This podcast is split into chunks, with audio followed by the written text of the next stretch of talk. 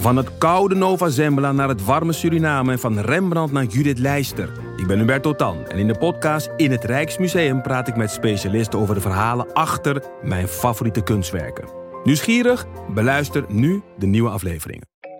Ik ben Jacqueline en in de podcast Lust praat ik over relaties, intimiteit en alles wat met lust te maken heeft met ervaringsdeskundigen en experts. Of je nu in een relatie zit, single bent of iets daartussenin, Lust is de podcast voor jou. Overal te beluisteren, dus ook in jouw favoriete podcast-app.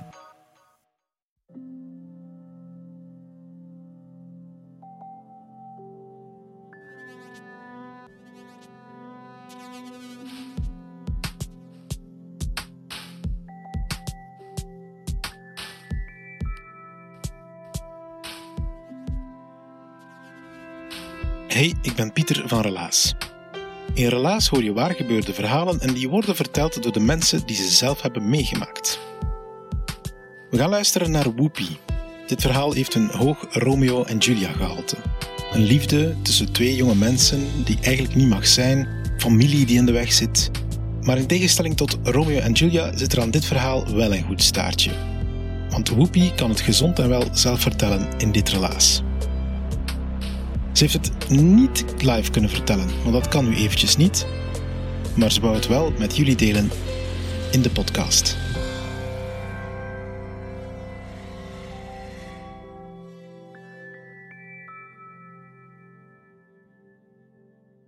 Het was 2016. Ik was toen net nog 19 jaar. Ik studeerde criminologie in Gent en ik zat er ook op kot. Ik had op dat moment een vriend. We waren toen al een jaar of twee, drie samen. En die vriend, dat was iemand uit Iran. Ik uh, leerde die kennen op de middelbare school in Veurne. Um, maar in die periode, um, dat we echt zo samen waren, woonde hij in Londen omdat hij daar uiteindelijk was beginnen studeren. Dus dat was een afstandsrelatie. We zagen elkaar zo om de drie weken. Normaal gezien ging ik nog zo elk weekend naar huis. Maar als hij in het land was, dan bleef ik al eens een weekend in Gent in plaats van naar huis te gaan om samen tijd te spenderen. Toen kon ik dat openlijk doen, maar er was ook een tijd geweest waarin ik mijn relatie met die jongen echt heb moeten verbergen voor mijn vader. Um, het was zo dat er redelijk wat leeftijdsverschil was. Ik was 16 en hij was 21 toen we elkaar leerden kennen. En hij was dan ook nog eens van Midden-Oosterse afkomst. Nu, mijn pa, tijdens mijn tienerjaren, dat was zo'n tiran. Op mijn zestien bijvoorbeeld mocht ik zelfs nog niet eens naar een onschuldig feestje gaan zonder dat mijn broer erbij moest zijn als babysit. Die wilden ook uh, de hele tijd weten met wie dat ik chatte. Dan kon hij me echt zo langzachter besluipen zonder dat ik het door had om stiekem mee te lezen. Echt, echt frustrerend als 16-jarig meisje die toch wel wel op haar privacy staat. En ja, dat heb je als je te streng bent met tieners. Die doen toch een goesting, maar dan achter. Uh, en dat was dus hetzelfde met mijn relatie toen. Ik weet nog dat schoolvakantie was en ik was jobstudent in mijn mama haar zaak. Ja, mijn mama wist het wel trouwens van die relatie. Um, toen vertrok ik samen met haar naar het werk onder de mom van, hey, ik ga mee werken. Hè. Maar uiteindelijk ging ik gewoon bij mijn vriend hangen en genieten van de zomer.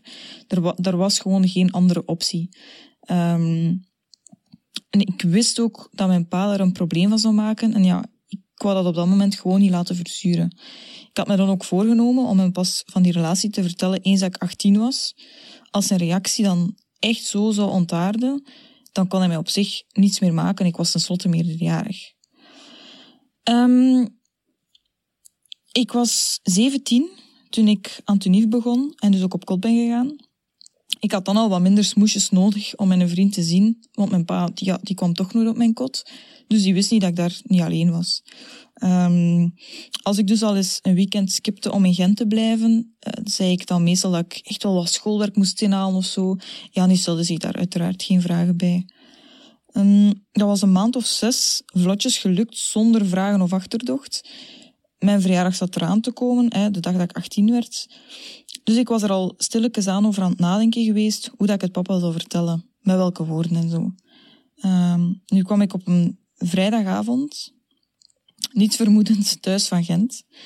Uh, ik denk dat het een week voor mijn verjaardag was. En vraag mij niet hoe of van wie. Tot op de dag van vandaag weet ik dat zelf ook nog altijd niet. Maar papa die was te weten gekomen.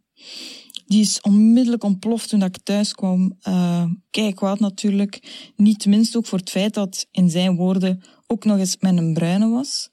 Um, het was dus enerzijds zijn ego dat gekwetst was en anderzijds wel absoluut het feit dat het moeilijk kon verkroppen dat ik met iemand van een andere afkomst was en racistisch als hij is.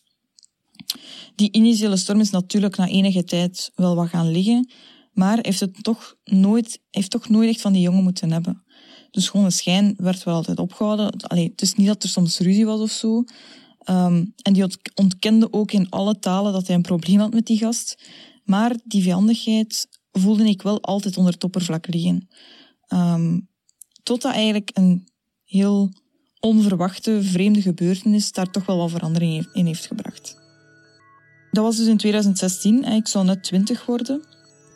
Toen mijn uh, jongere broer afstudeerde van het middelbaar en zijn eindejaarsvuif organiseerde. Dat wordt ja georganiseerd voornamelijk om 100 dagen activiteiten te kunnen sponsoren. Uh, om op het einde van, van het schooljaar nog iets te kunnen gaan eten met hun leerkrachten en zo afscheid.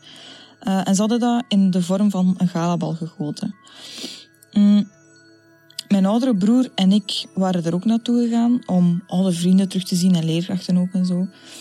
Want wij hadden ook zes jaar lang op diezelfde school gezeten. Mm, en daar kwam dan ook nog mijn vriend bij als mijn plus one en mijn papa die was ook mee. Nu, mijn relatie met mijn papa was ondertussen met het ouder worden heel wat verbeterd. En papa die speelde ook zo online games samen met mijn broers en die hun vrienden. Dus die had daar ook contact mee en ik kwam ook heel goed overeen met die mannetjes. En sinds dat het toch een beetje op een reunie begon te lijken allemaal, is papa ook maar meegegaan om wat bij te babbelen met die mensen. Ja, anyway, het was alleszins heel plezant. Babbelen, dansen. Ik had me helemaal opgekleed en opgedaan. Ik vind het altijd heel tof. Um, mijn oudere broer had het op een moment, uh, dus wij waren er allemaal aanwezig op dat galabal. Mijn oudere broer had het op een moment wel een beetje aan de stok gekregen. Mijn andere kerel in het toiletten. En inderdaad, als hij gedronken heeft, kan hij al wat stoerder uit de hoek komen dan anders. En uiteindelijk was dat gewoon ja, een nutteloos, nodeloos gebekvecht geweest, waarbij dat ze elkaar maar bleven vragen wat hun probleem was. En toen daar iemand tussen is gekomen, is dat eigenlijk heel snel opgelost. Geen gewonden gevallen, iedereen kwam er zonder kleerscheuren vanaf. Allee, op dat moment dacht ik ook, ja, dat is niet ongezien en zoiets. Op elk feestje komt dat wel voor, van dat, van dat haantjesgedrag. Ja, wij waren dat eigenlijk ook al heel snel vergeten. De avond ging gewoon verder. Totdat een uur of twee was en wij stilletjes aan naar huis zouden beginnen gaan. Dus um, wij hadden ons al richting uitgang begeven. Wij stonden op een moment gewoon met ons vier buiten te wachten. Op onze jongste broer nog. Um, we waren met vijf, want de kameraad van mijn oudste broer die was er ook bij.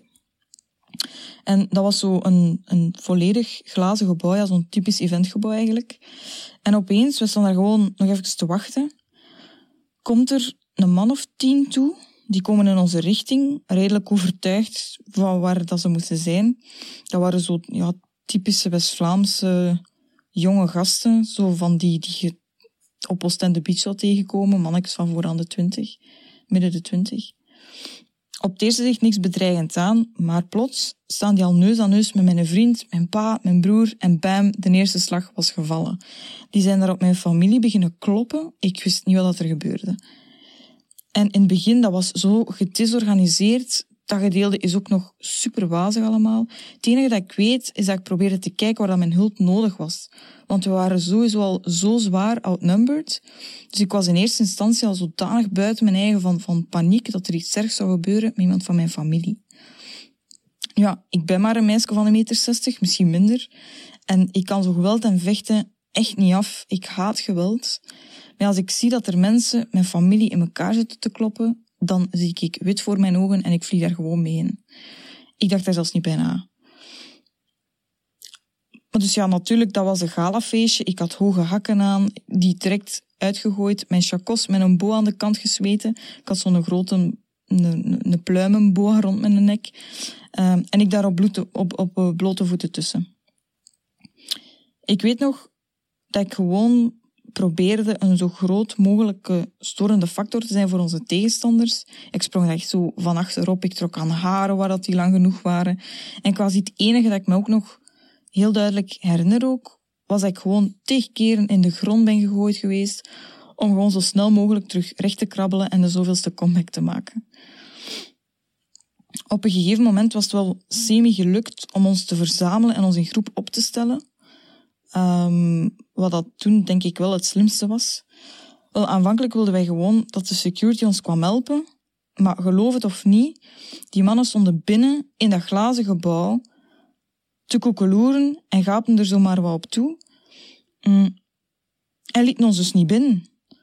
Um, die security had gewoon die deur fucking op slot gedaan zelfs, waardoor dat wij gewoonweg niet binnen konden. Ook niet wanneer dat we echt aan het smeken waren, want uiteindelijk was het echt wel duidelijk dat wij niet de aanvaller waren. We stonden op dat moment ook gewoon effectief ingesloten aan de deuren van een ingang, gewoon slagen af te weren. Um, mijn mannelijke metgezellen die hadden het op dat moment wel zodanig in zich gekregen dat ze ook terug in een aanval wilden gaan. Maar ik ben er precies op de een of andere manier wel in geslaagd om die bij ons te houden en in groep te blijven. Ik ben toen ook, omdat ik weet dat jongens geen meisjes slaan, en hoewel dat ik dat als blinde regel wel nozzel vind, ben ik een ja, human shield gaan vormen tussen mijn familie en onze tegenstanders, om zo enerzijds te voorkomen dat ze te veel ernstige slagen zouden vangen, en anderzijds inderdaad om iedereen zoveel mogelijk bij elkaar te houden. Uiteindelijk is dat nog redelijk goed gelukt. En uiteindelijk, na veel te lang, echt belachelijk, ik denk dat ze er zo een kwartier of zo hebben op staan toekijken, heeft de security ons toch nog door een, deur van, door, een, door een kier van de ingangsdeuren één voor één naar binnen gesleurd, terwijl wij natuurlijk nog vol een bak slagen aan het krijgen waren. Mm. En had er uiteindelijk ook nog ja, een slimmerik de politie gebeld. Um, ja, op zijn minst waren wij veilig, we waren aan bekomen. De shock kwam zo stilletjes aan. Maar die mannen buiten, die waren nog aan het bonken op de ramen en precies als zo, zo aan het lachen van plezier. Die hadden er precies echt genot van. Uh, maar die hadden sowieso iets gepakt, denk ik. Speed of coke of ik weet het niet. En ja, waarschijnlijk waren die ook zat. Mm, ja, natuurlijk, net voor de politie arriveert, zijn die mannen er ook opgegaan. Nu, achteraf vielen wel wat puzzelstukjes in elkaar, want wij hadden bijvoorbeeld gehoord dat het kopstuk van die bende net uit een bak was en dat die mannen als groep al bekend stonden als de bende van Nieuwpoort, die elk feestje afging om hun goed te laten gaan op een, op een willekeurig gekozen slachtoffer eigenlijk. Als kerst op de taart had die ene persoon, dus dat kopstuk, nog eens klacht ingediend tegen mijn broer, omdat hij zogezegd zijn oog had opengeslagen, de clown. Nu, de politie kende die man ook, al bij naam en toenaam, dus die namen dat uiteraard wel niet meer serieus. Mijn papa zijn hand was gebroken en die had wel een operatie nodig. De rest is gewoon met wat ijszakken en nog valgannetjes wel stilaan genezen. Mijn broer die was even KO gegaan door een slag in zijn nek te krijgen. En ik kon een halve week geen schoenen dragen van hoe bont en blauw dat mijn voeten stonden. Maar achteraf bekeken had het wel veel erger kunnen dan dat. Maar wat er toen wel permanent is veranderd, is de relatie tussen mijn papa en mijn toenmalige vriend. De achterrug van mijn pa die is toen zoals sneeuw voor de zon verdwenen. Het is alsof dat, dat gevecht voor een ja, soort broederschap heeft gezorgd. Um, dat, dat, dat dat vechten uh, ja, een band heeft geschept tussen die twee. En ineens was er wel plaats voor schouderklopjes en was er wel plaats voor grapjes tussen beiden. Ja, dat was zo precies voor mijn pa een, een een blijk geweest dat hij lef had gehad, dat hij zonder twijfel was opgekomen voor de familie van zijn vriendin. Dus ja, dat hij zo wat geslaagd was voor de waardigheidstest zeker. Nu, mijn pa is uiteindelijk nog altijd bevooroordeeld naar allochtone mensen toe, zeker als ze bruin zijn. Um, het heeft de band versterkt wel, Allee, maar er is ook nu ook geen mirakel gebeurd. Hè. Ik wil eigenlijk gewoon zeggen, het heeft hem uiteindelijk toch wel getoond dat mijn vriend uiteindelijk ook maar een mens was en uiteindelijk toch aan onze kant stond. Uh, tegen alle verwachting in. Hè. Um, ja, spijtig dat, spijtig dat daar zoiets voor nodig is. Maar kijk, het heeft toch nog uh, zijn goede kanten gehad. Dat was het relaas van Whoopi. Ze heeft het voor het eerst verteld op onze verhalencarousel. Dat is een wekelijks vertelmoment dat we op dit moment organiseren, waar ik kort kan vertellen en ik kom daar straks nog even op terug. En ze heeft het nog eens opnieuw verteld, maar nu tegen onze relatiemicrofoon. Jammer genoeg niet live voor een publiek, maar ze hoopt dat ze het op deze manier ook nog op een mooie manier in de wereld kan zetten. Je kan altijd laten weten of je het een mooi verhaal vond, of als je zelf iets op te merken hebt, dan kan je dat ook altijd achterlaten via Facebook of op onze website. Wij appreciëren dat heel hard, want jullie mogen dan wel elke week met 10.000 luisteraars zijn. Wij horen jullie niet altijd. En zeker nu onze live vertelavonden weggevallen zijn, steekt dat ons een hart onder de riem. Relaas is er dankzij de afdeling cultuur van de Vlaamse gemeenschap en van de stad Gent. Ook dankzij jullie, de luisteraars, en dankzij een hele groep medewerkers die week na week enkele kostbare uren opofferen om Relaas te maken wat het vandaag is. Dank jullie wel. Onze partners zijn Huset, Urgent FM, Den Hopzak, Pulp Deluxe en Chase. En het is niet omdat we elkaar fysiek niet mogen zien dat we niet doorgaan met Relaas. Je weet het of je weet het misschien nog niet, maar je kan nu al elf weken elke zondagavond verhalen luisteren live of misschien zelf vertellen in de Relaas Verhalen Carousel. Om 8 uur beginnen we eraan, elke week opnieuw zondagavond online.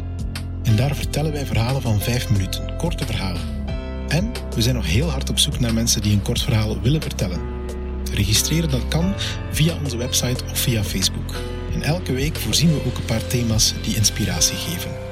En als je niet genoeg krijgt van verhalende podcasts, check dan nog een aantal heel fijne andere voorbeelden op luister.be. Luister is dat met een Y. Luister.